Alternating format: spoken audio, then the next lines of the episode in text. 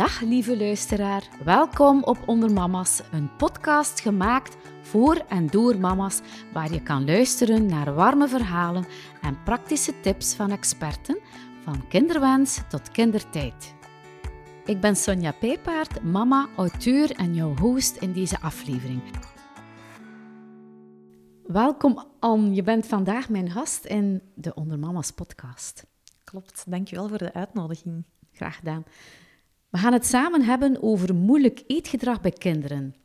Toch wel een hele populair topic onder ouders met jonge kinderen, die vaak heel wat stress ervaren aan de eettafel. Maar vertel ons even, wie ben jij? Ik ben Anne, um, ik ben kinderdiëtiste ik heb um, twee zoontjes, eentje van vier en eentje van bijna drie. Ik ben veertien jaar samen met mijn man en ik heb ook nog een hond, een Dalmatier, die heet Pepper.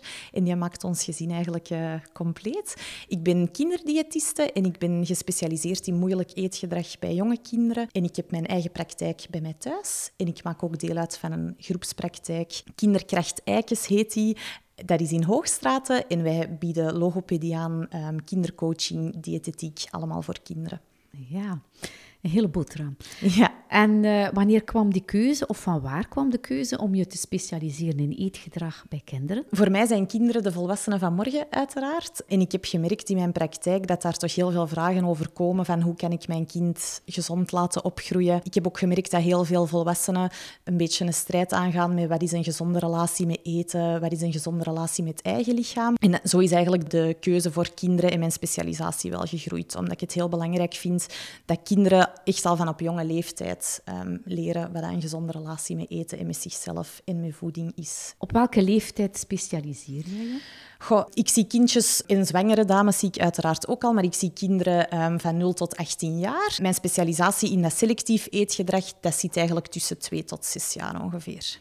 Is dit een kantelmoment dan bij kinderen of zo? Of gebeurt er heel veel in die leeftijdscategorie? Het is zo dat um, de meeste kinderen, ik spreek over de meeste kinderen omdat ik dat het meeste in mijn praktijk ook zie, dat de, eerste periode van zuigeling, dat dat eigenlijk redelijk vlot gaat. Kinderen zijn dan ook afhankelijk van de ouders, hè, voor liefde, voor warmte, ook voor eten. Um, dus dat gaat over het algemeen heel vlot. Nadien komt zo die fase van de individualisering. Kinderen erkennen of ontdekken dat ze eigenlijk een eigen individu zijn. En daar hoort die voedselneofobie of die angst voor voedsel hoort daar ook bij. Dus dat start rond de periode van twee jaar tot de leeftijd van zes jaar. Mm Elk kindje gaat daardoor en dat hangt dus eigenlijk samen met die ontwikkeling. Ja.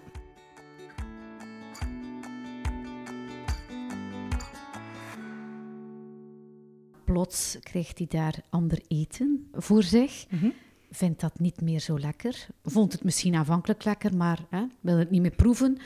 Laat het bord staan, speelt ermee. Allemaal scenario's die ouders meemaken. En ja, of herkenbare situaties.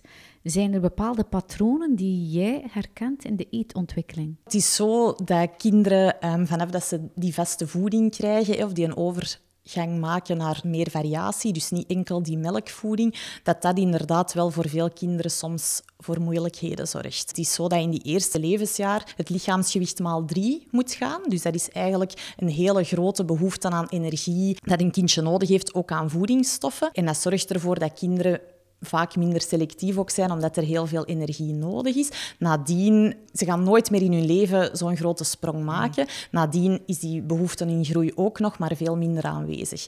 En ja, we zien eigenlijk vanaf de leeftijd van 18 maanden, 2 jaar, dat dan die, die diversiteit in voeding komt en dat dat voor kinderen inderdaad wel moeilijk is. Ja, want dan starten we met vaste voeding, mhm. verschillende texturen, ook een gevoelige periode, want komt allemaal, het is allemaal nieuw en vreemd in mhm. de mond. Mhm. Ik denk dat het ook wel iets te maken heeft met ja, de reactie. Waarom reageert een kind op die bepaalde voeding? Klopt. Dat is voornamelijk historisch gegroeid. Als we kijken naar heel ver terug in de oertijd, um, dan droegen we eigenlijk als, als mama ons kind altijd bij ons. Nadien, dus dat is die fase van die afhankelijkheid, je kind is altijd bij jou. Nadien komt die fase van die individualisering en je kindje gaat dan eigenlijk wel loskomen van die mama. Vroeger in de oertijd bijvoorbeeld, als je kindje dan in het bos alleen wat op, op pad ging, ehm, dan kan dat ook heel gevaarlijk zijn als je kindje niet bang is van vreemde dingen. Hè. Dus mm. vandaar is dat eigenlijk historisch gegroeid. Daarom hebben wij ook een aangeboren voorkeur eigenlijk voor zoete dingen, voor zoute dingen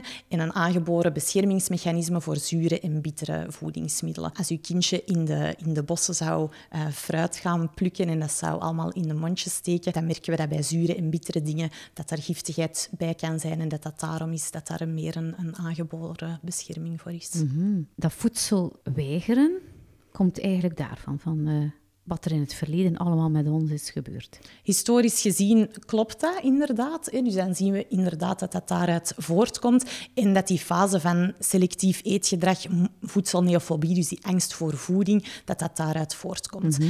Ehm, die angst voor voeding wil ook niet zeggen dat dat over nieuwe dingen gaat. Dat kunnen even goed dingen zijn dat, uh, dat je kindje wel lekker vond, of uh, smaken, texturen dat je kindje al wel kende, die dat ineens toch moeilijk zijn. Hoe kan je die voedselvoorkeuren kaderen in de evolutie, zo van twee tot zes jaar? Hoe, hoe wijzigt zich dat dan? Want ja, Eerst waren die kersttomaatjes lekker, dan zijn die plotseling niet meer lekker. Weigert uw kindje dit voedsel? Hoe ga je daarmee om? Goh, dat is een heel grillig patroon. Hè? Uh, het kan zijn dat je kindje op uh, week 1 spaghetti of kersttomaatjes, zoals u zegt, heel lekker vindt. En de week erna denkt als ouder, yes, ik heb het gevonden, ik ga kersttomaatjes geven. En dan moet je kindje dat helemaal niet meer hebben. Dus dat klopt, dat is een heel grillig patroon. En dat hangt eigenlijk samen met die starting van die individualisering. Dus je kindje merkt, ik ben een persoon op mijn eigen. Ik ben twee en ik zeg nee, is een hele klassieker. En dat kennen ouders vaak heel goed. Um, dus die individualisering individualisering, het eigen individu, heeft daar een heel grote rol in. Ja. Ze voelen aan dat ze macht hebben. Hè? Maar als ouder sta je te kijken naar het beperktere eetpatroon. Mhm. Want er zijn een aantal dingen die wegvallen kindje wil het niet meer eten, wordt heel kieskeurig. Dat wordt dan, of kan een strijd worden aan de tafel. Het is inderdaad zo, die, die fase van die voedselneofobie of die fase van dat selectiever eetgedrag is iets dat elk kindje doormaakt. Hè. Elke ouder wil graag dat zijn kind gezond opgroeit. Dat merk ik heel hard ook in de praktijk. Maar soms zijn we eigenlijk wat een einde raad. En dan hoor ik dat dat een strijd wordt. En dat vind ik wel heel jammer. Ik denk met de juiste tips en handvaten dat je daar snel ook wel, uh, wel verandering in kunt merken. Dus ik zou zeggen, zeggen om je te laten bijstaan als dat niet helemaal loopt hoe dat het uh, moet zijn. Ja. Ja, want toch is het ook belangrijk om in te zoomen op het kind zelf. Want vaak hebben we het heel druk. En die eetmomenten, ja, daar kan wel wat aan gesleuteld worden om ze gezelliger te maken, om ze aangenamer te maken, om de betrokkenheid van het kind ook te vergroten. Denk maar aan een aantal zaken. Wij staan er ook als ouder niet bij stil dat een kind ook op die leeftijd kan uh, vaker ziek zijn de smaak wordt daardoor beïnvloed in die periode van ziekte, waardoor dat een kind zegt, ja, dit lust ik niet meer, ik moet het niet mhm. meer. Na een periode van ziekte of tijdens een periode van ziekte verandert de smaakbeleving in de mond. En dat kan er wel voor zorgen dat nadien, na die periode van ziekte, dat bepaalde voedingsmiddelen, bepaalde voedingsgroepen soms ook toch wel wat moeilijker gaan. Komt enerzijds door die ziekte zelf, kan ook komen door medicatie die genomen is moeten worden tijdens die periode van ziekte. Belangrijk is daar ook om dat tijd te geven en dat komt wel terug, maar dat is voor veel ouders heel frustrerend. Zeker als die, dat selectief eetgedrag voordien al uh, heel aanwezig was. Mhm. Ja. Ja, want dan wordt het al, allemaal meer beperkter, mhm. hè, wat je nog kan uh, geven. En daarbovenop krijg je dan ook wat ongewenste opmerkingen uit je omgeving. Mhm. Want iedereen uh, weet het beter. De beste stuurlui staan altijd aan wal. Het zal wel overgaan, uh, doe ze dan maar zonder eten naar bed en zo verder. En als ouder, ja, dan heb je heel snel het gevoel dat je, dat je iets verkeerd doet. Maar is dat ook zo? Ik denk inderdaad, als het over kinderen gaat, dat iedereen altijd uh, heel veel tips en advies heeft. Ik denk dat het belangrijk is als ouder om te vertrouwen in het feit dat jij weet wat je kind uh, nodig heeft. Maar anderzijds ook als je merkt dat je het niet meer weet, dat je daar zeker ook uh, hulp voor inroept bij kinderdiëtisten. Um, daar zijn wij voor. Dus mensen mogen zeker hulp vragen als ze merken dat, het, dat ze het niet meer zelf rondkrijgen.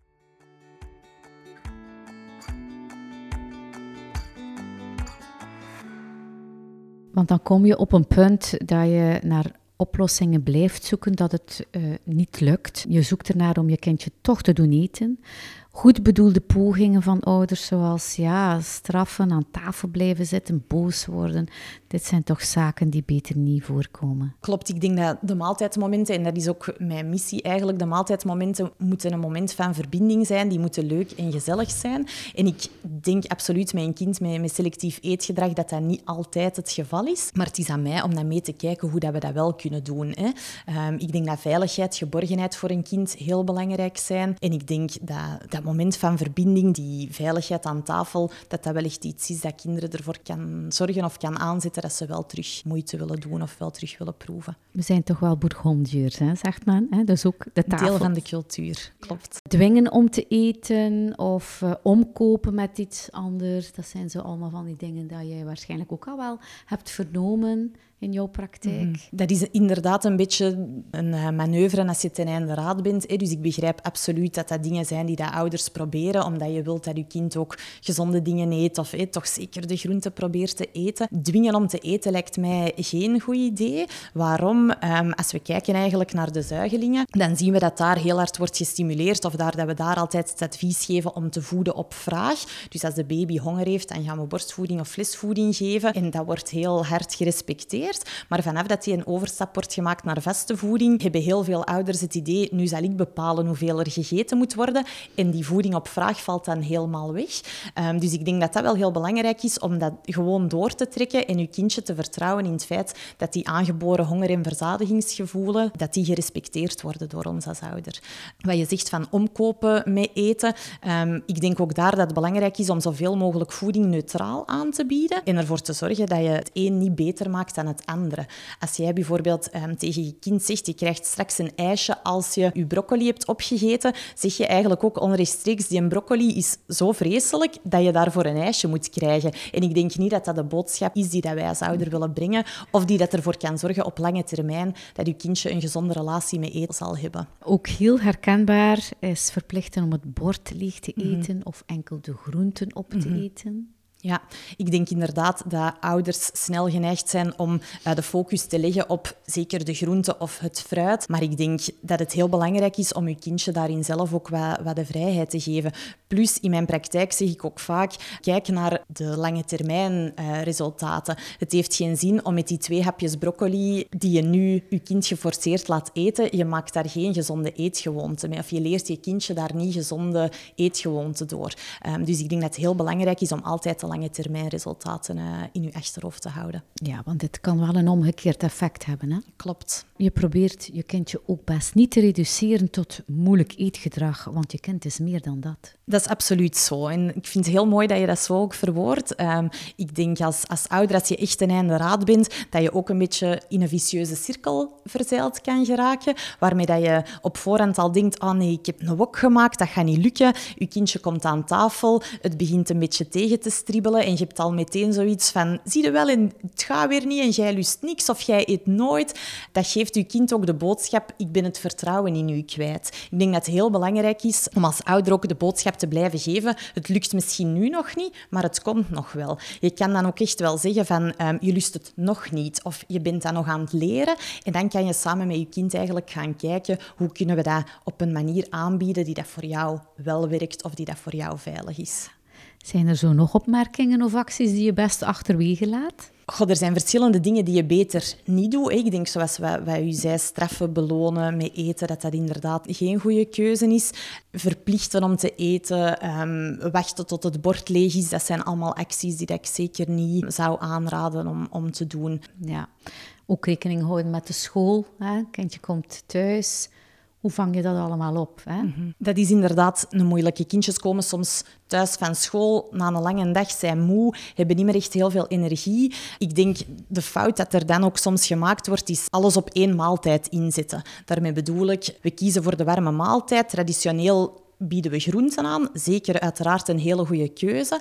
Maar als je kindje dan door moe te zijn van school uh, het moeilijk heeft met die groenten en voor jou als ouder ligt je focus net heel hard op het eten van die groenten, dan kan het vaak ook helemaal mislopen als je kindje dan die groente niet wil eten. Want dan denk je als ouder, oh nee, nu heeft mijn kind heel de dag geen groente gegeten. Dat is geen goed idee. Terwijl dat, dat eigenlijk, als je dat probeert om te spreiden, bijvoorbeeld steek een stukje komkommer bij het fruittoosje, stukjes kersttomaat in de brooddoos voor smiddags, dan spreid je ook weer de mogelijkheid om die groente aan te bieden. Je zorgt één voor meer blootstelling, dus je kindje wordt er op verschillende momenten aan blootgesteld. En je gaat er ook voor kunnen zorgen dat op verschillende momenten ervan kan eten. En dat is wel belangrijk. En geeft het voorbeeld ook van verschillende kleurtjes van, uh, van groenten of van fruit. Dat is ook belangrijk, hè? Klopt, ja. Kinderen kunnen zeker ook een, echt een voorkeur hebben naar, naar kleur, naar smaak, naar textuur, maar inderdaad zeker ook naar kleur.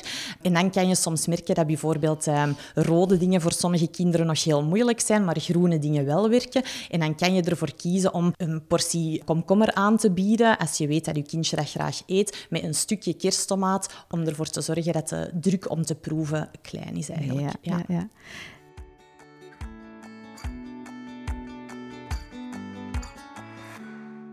Uh, jij wil als ouder dat je kindje eet, maar je kind weigert. Je zal deze strijd helaas altijd verliezen. Want je kindje houdt de lippen dan stijf op elkaar. Heel concreet willen we ook graag weten van jou, aan wat we wel kunnen doen om terug rust te krijgen aan de tafel. Heel belangrijk om rust te krijgen aan tafel is om in een veilig klimaat te starten. Echt te proberen om rust te hebben aan tafel, veiligheid aan te bieden. Je kan bijvoorbeeld ervoor kiezen om de eettijd om die goed af te baken. Op school zien we heel vaak dat kinderen met bepaalde rituelen naar het volgende hoofdstuk overgaan, om het zo te zeggen. En dat kan je thuis ook doen. Een liedje dat kinderen leuk vinden als het eettijd wordt. Ehm, als uw kindje het fijn vindt om de tafel mee te dekken, probeer het erbij te betrekken. Um, eventueel wat helpen in de keuken en dergelijke, zodat het weet dat de eettijd stilaan eraan komt. Dat maakt het voor kinderen duidelijk. Ik denk dat dat zeker iets is dat je kan doen. Um, die veiligheid, geborgenheid, dat blijft voor mij wel echt op nummer één staan, omdat dat er echt wel voor zorgt dat kinderen um, zich veilig gaan voelen om, als ze er zelf klaar voor zijn, ook weer tot dat proeven over te gaan. Ja, want dan komen we ook tot die regel van gedeelde verantwoordelijkheid, die toch wel heel belangrijk is. Hè? Ja, die is echt heel belangrijk om te hanteren. Wat zegt die regel eigenlijk? Die zegt dat jij als ouder beslist wat er gegeten wordt, wanneer er gegeten wordt, waar er gegeten wordt en hoe er gegeten wordt. En dat je als kind de verantwoordelijkheid hebt om te kijken of je eet en hoeveel je ervan eet. Als we gaan kijken naar wat er gegeten wordt, bedoel ik daarmee dat je eigenlijk als ouder gaat beslissen wat er op het menu komt. Uiteraard kan je de andere gezinsleden een beetje mee inspraak laten doen, maar laat je kindje niet alleen beslissen dat het nog spaghetti is. Probeer ook andere maaltijden te blijven aanbieden. Waar er gegeten wordt is een belangrijke, omdat dat wel eh, best aan een tafel gebeurt, echt op een manier dat er echt focus is op het eetmoment. Hoe er gegeten wordt gaat meer over de, de manier van eten, de tafelmanieren. En dan wanneer er gegeten wordt, um, dat bepaalt voornamelijk de tijdstippen, dus de eetmomenten zelf. Ja, ja, ja, Zijn er manieren waarbij je, dat je je kind kan stimuleren om dan toch te eten? Goh, ik denk dat het belangrijk is om ervoor te zorgen dat je veiligheid biedt aan tafel. En dat kan je bijvoorbeeld doen door te zorgen dat iedereen het gevoel heeft dat hij met een verzadigd gevoel of met een vol buikje van tafel kan gaan. Als jij bijvoorbeeld weet dat een, um, een gerecht waarbij alles door elkaar gedaan wordt, dat is voor vele kleine kinderen heel bedreigend, omdat ze niet altijd kunnen zien wat er nu weer allemaal in zit. Als je kiest om dat aan tafel te serveren, kan je er ook voor kiezen om een mandje brood bijvoorbeeld op tafel te zetten. Of als daar aardappelen in zitten, om een kommetje met aardappelen apart aan te bieden, zodat je kindje meteen ziet als het aan tafel komt dat er ook dingen zijn dat het kan eten, dat het ook met een verzadigd gevoel van tafel zal gaan. En dat gaat ook de druk van die gemengde schotel of die maaltijd waar dat hem echt wel heel veel schrik van heeft, de stress te laten wegnemen eigenlijk vooral. Ja, ik herinner mij uit mijn kleinkindperiode, mm als ik het zo mag zeggen, dat ik uh, heel lang puree kreeg. Mhm, dat was voor mij veiligheid en geborgenheid, denk ik. Maar aan de andere kant denk ik dat dat uh, geen goede zaak is om dat te lang te doen.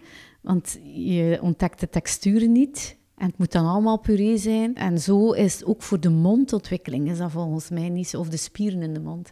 Klopt, wij, wij raden meestal aan om dan de beide aan te bieden. Dus als puree voor jou veilig was, is dat zeker een goede keuze. Maar bied dan ook daarnaast een stukje aardappel of een stukje wortel dat plat gekookt is of gestoomd is daarbij aan, zodat je ook daarvan zelf kan leren proeven en die stukjes ook kan leren ontdekken. Ja, als je kind dan hè, altijd hetzelfde wil blijven eten, ja, geef je daar dan aan toe jezelf aan te passen door klaar te maken wat ze echt lekker vinden? Goh, ik denk dat dat op lange termijn niet de beste keuze is. ik zeg het, ik denk dat je vooral kan rekening houden met ehm, die gedeelde verantwoordelijkheid. Jij als ouder beslist wat er op tafel komt. En dan kan je wel zeggen, mijn kindje lust heel graag spaghetti bijvoorbeeld, dus die ene keer per week wil ik spaghetti op tafel zetten, maar die andere dagen zullen het andere maaltijden zijn. En dan is het belangrijk dat je kijkt naar hoe kan ik dat aanbieden op een manier dat dat voor mijn kindje zo toegankelijk mogelijk is. Als je een maaltijd door elkaar aanbiedt, kan je die eventueel uit elkaar een beetje halen. Dus het vlees wat apart, de groentjes wat apart, saus wat apart. In zo'n vakjesbordje denk ik dat dat heel goed is om, om dat op een veilige manier aan te bieden voor je kindje. maar beslis als ouder vooral zelf wat er op het menu komt. Ja, Oké. Nu, ik denk dan ook aan de boterhamdoos, hè, mhm. waarbij dat je kind resoluut kan kiezen voor zoet beleg, mhm. zoals chocopasta hoe ga je daarmee om? Het is inderdaad zo dat dat een vraag is van heel veel ouders. Die, dat zoet beleg, wat doen we daarmee? Ik denk dat we vaak ook moeten kijken naar het beleg in totaal. Een vleesje op een boterham, verwerkt vlees, hoeft niet per se gezonder te zijn dan choco. Of het een is niet altijd beter dan het andere. Vaak zijn wij, onze generatie, is wel opgevoed met je moet eerst een hartige boterham en dan mag je een zoete nemen. Ik denk als je probeert om voedsel neutraal aan te bieden, dat je kindje niet altijd de voorkeur gaat geven aan alleen dat zoetbeleg. Maar ik denk als je daar nog niet bent, of je kindje is dat nog niet gewoon, en die choco of die, dat zoetbeleg is nog wel heel aantrekkelijk, um, dan kan je ervoor kiezen om te werken met chocodagen bijvoorbeeld. En dan kan je zeggen, op woensdag, op zaterdag en op zondag bijvoorbeeld bieden wij choco aan, mag je ervan eten. En dan mag je kindje zelf beslissen hoeveel boterhammen met choco dat het eet. De andere dagen is er dan geen choco. Ik ben meer voorstander om het toe te laten elke dag en te zien hoe dat jouw kindje daar op de den duur gematigd zelf mee omgaan. Heel vaak zullen groenten en fruit deel uitmaken van het geweigerde voedsel. Maar het kan ook zijn dat uh, jouw kind in aanraking is gekomen met voorverpakte voeding. Mhm. En dat dit dan precies wel de voorkeur wegneemt. Klopt. Alles wat eigenlijk voorverpakt is, is gestandaardiseerd. Dat komt uit een fabriek, dat is gestandaardiseerd. Dus je kindje weet op voorhand, als ik dat zakje open doe of als ik dat potje opentrek van yoghurt, platte kaas en dergelijke, dat zal altijd er zo uitzien en dat gaat zo smaken. Dat is natuurlijk met verse voeding anders. Uw appel kan heel krokant zijn, die kan melig zijn, die kan harder zijn, slapper zijn. Eh, de ene keer ziet hij er rood uit, de andere keer heeft hij een plekje. Ehm, dus dat is voor kinderen heel moeilijk. Kinderen hebben ook geen referentiekader. Dus als jij worteltjes altijd in schijfjes aanbiedt en ineens bied je die in lange blokjes aan, een kind kan niet vergelijken met iets anders. Dus dat is voor een kind heel moeilijk. Ja, dat kan heel bedreigend zijn of dat kan de situatie heel moeilijk maken. Ja, en het kookproces is ook niet altijd hetzelfde. Nee, nee, klopt. Nu, als ouder stikt opnieuw die bezorgdheid uh, de kop op, want zal je kindje dan zowel geen vitamine tekort krijgen of voldoende vitamine binnenkrijgen? Dat is inderdaad een vraag die heel vaak gesteld wordt. En ik denk dat dat inderdaad de, de grootste bezorgdheid is van ouders. Nu, uit wetenschappelijk onderzoek weten we dat um, kinderen met select, normaal selectief eetgedrag, die dan meer dan tien verschillende voedingsmiddelen uit verschillende groepen van, van de voedingsdriehoek eten, dat daar eigenlijk bijna geen tekorten aanwezig zijn. Als je een kindje hebt met uh, extremer selectief eetgedrag, dat minder dan tien verschillende soorten voedingsmiddelen uit verschillende groepen eet, dan is dat een andere verhaal en moet je zeker wel laten begeleiden. Maar als je ziet met een kindje met normaal selectief eetgedrag, haalt het vitamine, mineralen uit verschillende voedingsmiddelen. En dan is een tekort heel, uh, heel zelden aanwezig.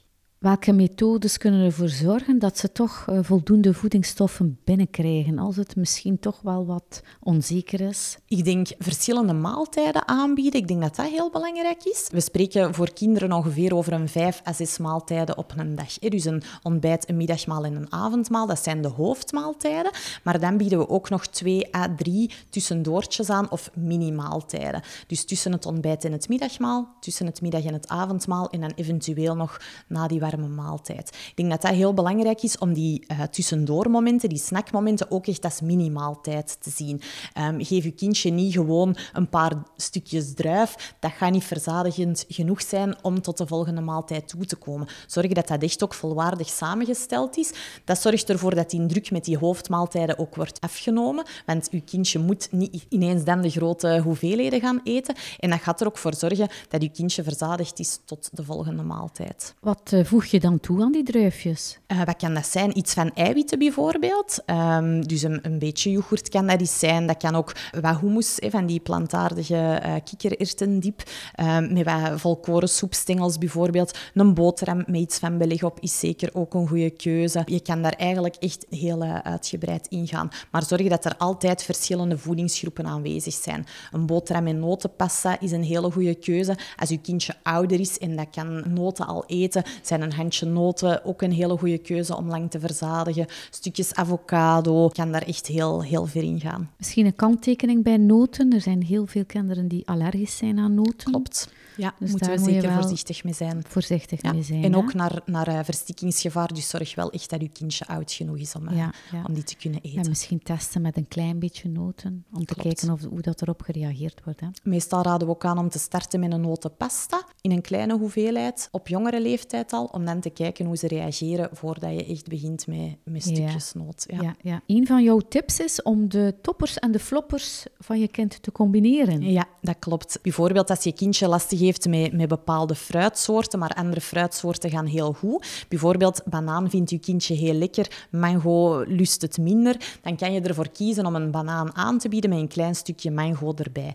Zorg dat dat een heel klein stukje is, dat dat niet kindje overweldigt of dat het niet bedreigd is door die hoeveelheid van uh, het voedsel dat het niet zo graag heeft. Um, en dan bied je eigenlijk de twee te samen aan. Het is belangrijk daarbij dat je niet verwacht dat je kindje volledig die flopper ook opeet, maar wel dat het blootgesteld wordt en dat het door zich veilig te voelen met hetgeen dat hij wel lekker vindt, dat het ook kan overgaan tot proeven van iets dat misschien nog niet zo goed gaat. Ja, want we raken het hier onmiddellijk aan. Hè? Leren proeven. Mhm. hè? En leren nieuwe smaken ontdekken. Mhm als ouder ben jij eigenlijk de coach mhm. hè, in dit geval. Hoe, hoe, doen we dat dan best? Ik denk inderdaad, zoals wat je zegt, proeven is een leerproces. Ik vergelijk dat altijd met als je een kindje leert fietsen, dan ga je eerst je kindje een loopfietsje aanbieden. Je zorgt dat dat goed omkaderd wordt, dat je ernaast loopt. Als je merkt dat dat evenwicht al wat vlotter gaat, dan laat je dat eens op een fietsje met zijwielen. Nadien doe je die wieltjes eraf, je loopt er nog wat naast. En pas als je merkt dat je kindje echt vertrokken is, gaat het durven loslaten. Met proeven doen we dat niet en dat vind ik dan soms ook wel raar. Vaak is dat, we scheppen op het bord, alsjeblieft, en nu moet jij dat opeten. Dus ik denk inderdaad dat proeven inderdaad beter als een leerproces gezien kan worden. Dat zijn allemaal kleine stapjes van, mag het voedingsmiddel al eens op jouw bord liggen? Wil je er eens aan voelen? Welke textuur, welke temperatuur is het? Lik er eens aan, geef het een kusje. Nadien kan het automatisch ook zijn, we, we steken het in onze mond, we geven het eventueel nog even terug en de keer nadien slikken we het door. Dat kan. Wij zijn vaak opgevoed met het idee van proeven is een grote hap nemen, die in onze mond steken, goed bijten, doorslikken en die het liefst ook dan nog lekker vinden. Maar dat is in de praktijk echt niet hoe het, uh, hoe het voor kinderen werkt. Hoeveel keer moet je gemiddeld iets proeven om te wennen aan de nieuwe smaak? Goh, wij merken toch dat een blootstelling van een keer of tien of vijftien keer per voedingsmiddel, dat dat toch wel uh, zeker nodig is om ons te leren kennen. Dat kan wel overweldigend klinken bij de ouder die nu luistert. Klopt. Maar op welke manier kan je dit aanmoedigen? Ik denk dat het belangrijk is om smaken in verschillende bereidingen aan te bieden. Bijvoorbeeld in een soep, is koud, is warm. Ik denk dat dat heel belangrijk is. En doe ook niet alles in één keer. Als broccoli lastig gaat, hoef je geen drie weken broccoli's in alle soorten en maten en vormen eh, te gaan aanbieden. Probeer dat gewoon te spreiden over het jaar. Kook zoals de, de seizoenen. Dat is één goedkoper. Twee, de smaken zijn ook aanweziger dan. Dus ik denk dat dat heel belangrijk is. En dan ga je automatisch variatie in je eetpatroon brengen. Ja, is ook heel duurzaam. Hè? Klopt. Maar een maaltijd hoeft niet altijd hip en gezond en leuk te zijn. Hè? Um, niks mis mee met eens een uh, minder gezonde maaltijd te eten. Nee, absoluut. Ik denk dat neutraliteit dat dat iets is dat heel belangrijk is. Dus maaltijden zo neutraal mogelijk proberen bestempelen. Niet het een is beter dan het ander. Ja, zoals een boterhammendoos bijvoorbeeld. Het hoeven niet altijd um, satéprikkers met dino's op of eetbare bloemen te zijn. Boterhammen met voedzaam beleg is zeker oké. Dus maak er niet te veel werk van als ouder. Gewoon is zeker ook uh, meer dan goed genoeg. En dat proeven op zich, daar kunnen we misschien in het kader zo van uh, gezelligheid toch wel iets meer mee bereiken? Wat, wat denk je?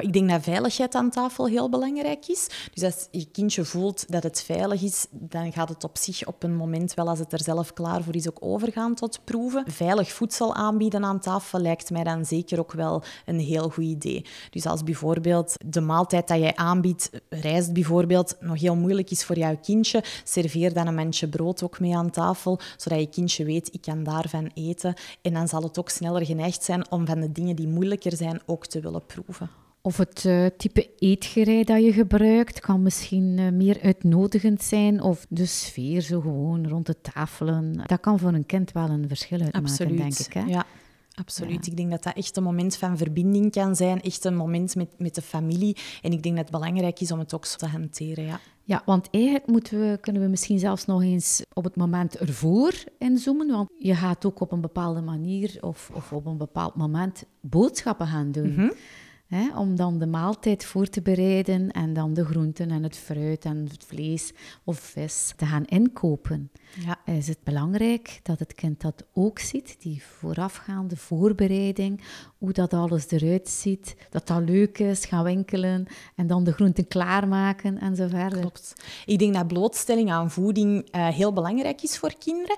En soms zijn we geneigd om ons alleen te focussen op de blootstelling aan tafel. Maar dat gaat inderdaad, zoals wat u zegt, veel verder dan dat. Um, dat kan in de, in de, op, op een markt zijn, op vakantie, maar dat kan ook in de supermarkt zijn. En het is soms een uitdaging om, uh, als je een jong kindje hebt of meerdere jonge kindjes hebt, om daarmee naar de supermarkt te gaan. Maar als je probeert hen wat te betrekken, kan zijn door dingen te laten aanwijzen, dat kan zijn door hen dingen te laten brengen. Zorg dat er ook voor dat ze op een andere manier dan alleen aan tafel worden blootgesteld aan eten. En dat kan zeker ook in de keuken, door mee te helpen. Eitjes spellen bijvoorbeeld, uh, fruit wassen. Uh, probeer dat ook af te stemmen op de leeftijd van je kindje. Je hebt ook een, een mesje waarmee dat kinderen niet in hun vingers kunnen snijden. De kiddie cutter heet die. En dan kan je, als je kindje daar oud genoeg en klaar voor is, en dat wilt dat ook, uh, kan je uiteraard ook zorgen om daar, die wat mee te laten koken in de keuken of de maaltijden te laten bereiden. Ja, meehelpen. Ja? Wat je zelf maakt, smaakt altijd beter, zeggen ze. En dat is voor kinderen niet anders. Voilà. Ja, dan maakt het uh, helemaal uh, interessant, uiteraard. Hè? En dan gaan we nog eens verder. Je laat gaan zelf kleine hapjes opscheppen, zelf laten eten. Ja, autonomie is voor kinderen heel belangrijk, zeker in die, in die fase van die individualisering, waarin dat ze eigenlijk hun eigen individu leren kennen. Dus controle, autonomie zijn daar twee uh, basisingrediënten. Kleine hapjes of kleine schepjes zelf laten opscheppen lijken mij heel verstandig. Zorg uiteraard dat het veilig is, niet met de warme potten en dergelijke, ehm, maar dat je kindje wel ook leert om zelf op te scheppen, uh, dat is heel belangrijk. Ja. Daar kunnen uiteraard inschattingsfoutjes mee gebeuren. Je kindje schept dan te veel op. Veel ouders vinden dat heel lastig en dat snap ik ook, zeker naar verspilling toe. Maar probeer dat ook aan te leren. Begin met twee kleine schepjes. Wil je nog, dan kan je nog bijnemen en dan kan je nog wat extra opscheppen. Vaak als je dat zo zegt, uh, zijn kinderen wel mee in het verhaal. Ik kan me ook inbeelden dat het moeilijk is voor een ouder om in te schatten wat is voldoende? Wanneer eet mijn kind nu voldoende? Het stopt na twee hapjes. Mhm. Is dit nu voldoende? Nee, volgens ons is dat niet, niet mhm. voldoende of is het mhm. onvoldoende. Hoe gaan we daarmee om? Ja, ik denk dat het belangrijk is om dat vertrouwen en die, die verantwoordelijkheid aan uw kindje te geven. Uw kind zal zelf aangeven wanneer het verzadigd is. En ik denk dat als ouder, hoe moeilijk dat soms ook echt wel is, um, belangrijk is om dat ook te respecteren. Doordat je op regelmatige momenten een maaltijd zal voorzien, weet uw kindje ook dat als het niet wil eten bij een maaltijd, het ongeveer twee, max drie uur wachten is totdat er terug een eetmoment is. En dat zorgt voor duidelijkheid en dat gaat ook zorgen dat je kindje, als het genoeg heeft, ook stopt met eten heel herkenbaar is dat je kind eigenlijk al vooruitziende is, mhm. stopt met eten en onmiddellijk daarna praktisch een koek vraagt. Ja, klopt. Ja, dat is inderdaad iets dat de kinderen dat snel doorhebben. Um, ik denk daar dat het belangrijk is dat je de eetmomenten goed afbakent. Um, als jij zegt een, een koek is deel van, van het menu of deel van wat er op tafel komt, dan mag je die gewoon mee op tafel leggen, zoals een dessertje. Je zet het mee op tafel. Je kind beslist, eet ik ervan, eet ik er niet van? Wil ik het als eerste opeten of niet? Dat kiest je kindje zelf. Maar als jij als ouder beslist dat er geen koek op tafel komt, dan zal die ook niet vijf minuten na de maaltijd nog op tafel komen. In mijn praktijk werk ik vaak met zo'n bordje, de keuken is open of de keuken is gesloten. Vanaf dat de maaltijd gedaan is, dan gaat de keuken op slot, de keuken is gesloten en dan is er ook geen mogelijkheid meer om te eten tot twee uur later bijvoorbeeld. Dat is voor kinderen vaak heel duidelijk. Niet altijd leuk, maar wel heel duidelijk. Is het duidelijk voor de ouders, want wij hebben allemaal een voorbeeldfunctie. En misschien durst mama of papa wel ook een keer een koekje eten na de maaltijd. Klopt. En het kindje ziet het. Ja, ik denk dat modeling daar, dus het voorbeeld geven, heel belangrijk is. En als je babytjes hebt of zuigelingen, dan kan je dat inderdaad nog doen zonder dat er twee aan je broek staan om ook een koekje te vragen.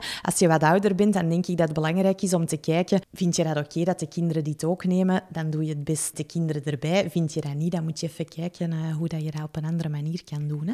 Hoe lang geef je jouw kindje de tijd om te wennen aan de nieuwe aanpak? Goh, ik denk inderdaad voor kinderen, als ze merken dat die verantwoordelijkheden heel goed afgestemd zijn, dat jij als ouder je houdt aan jouw verantwoordelijkheden en je kindje ook de verantwoordelijkheid geeft om zelf te kiezen of het eet en hoeveel het eet per maaltijd, dat dat vaak heel vlot gaat. Dat merk ik ook in de praktijk. Als kinderen doorhebben dat het echt oké is dat ze na twee hapjes van tafel gaan en dat daar niet om gezaagd wordt, dat ze niet gechanteerd worden bij manier van spreken of dat ze niet Ehm, ja, worden beloond of, of gestraft, gaat dat eigenlijk over het algemeen redelijk vlot. Ja.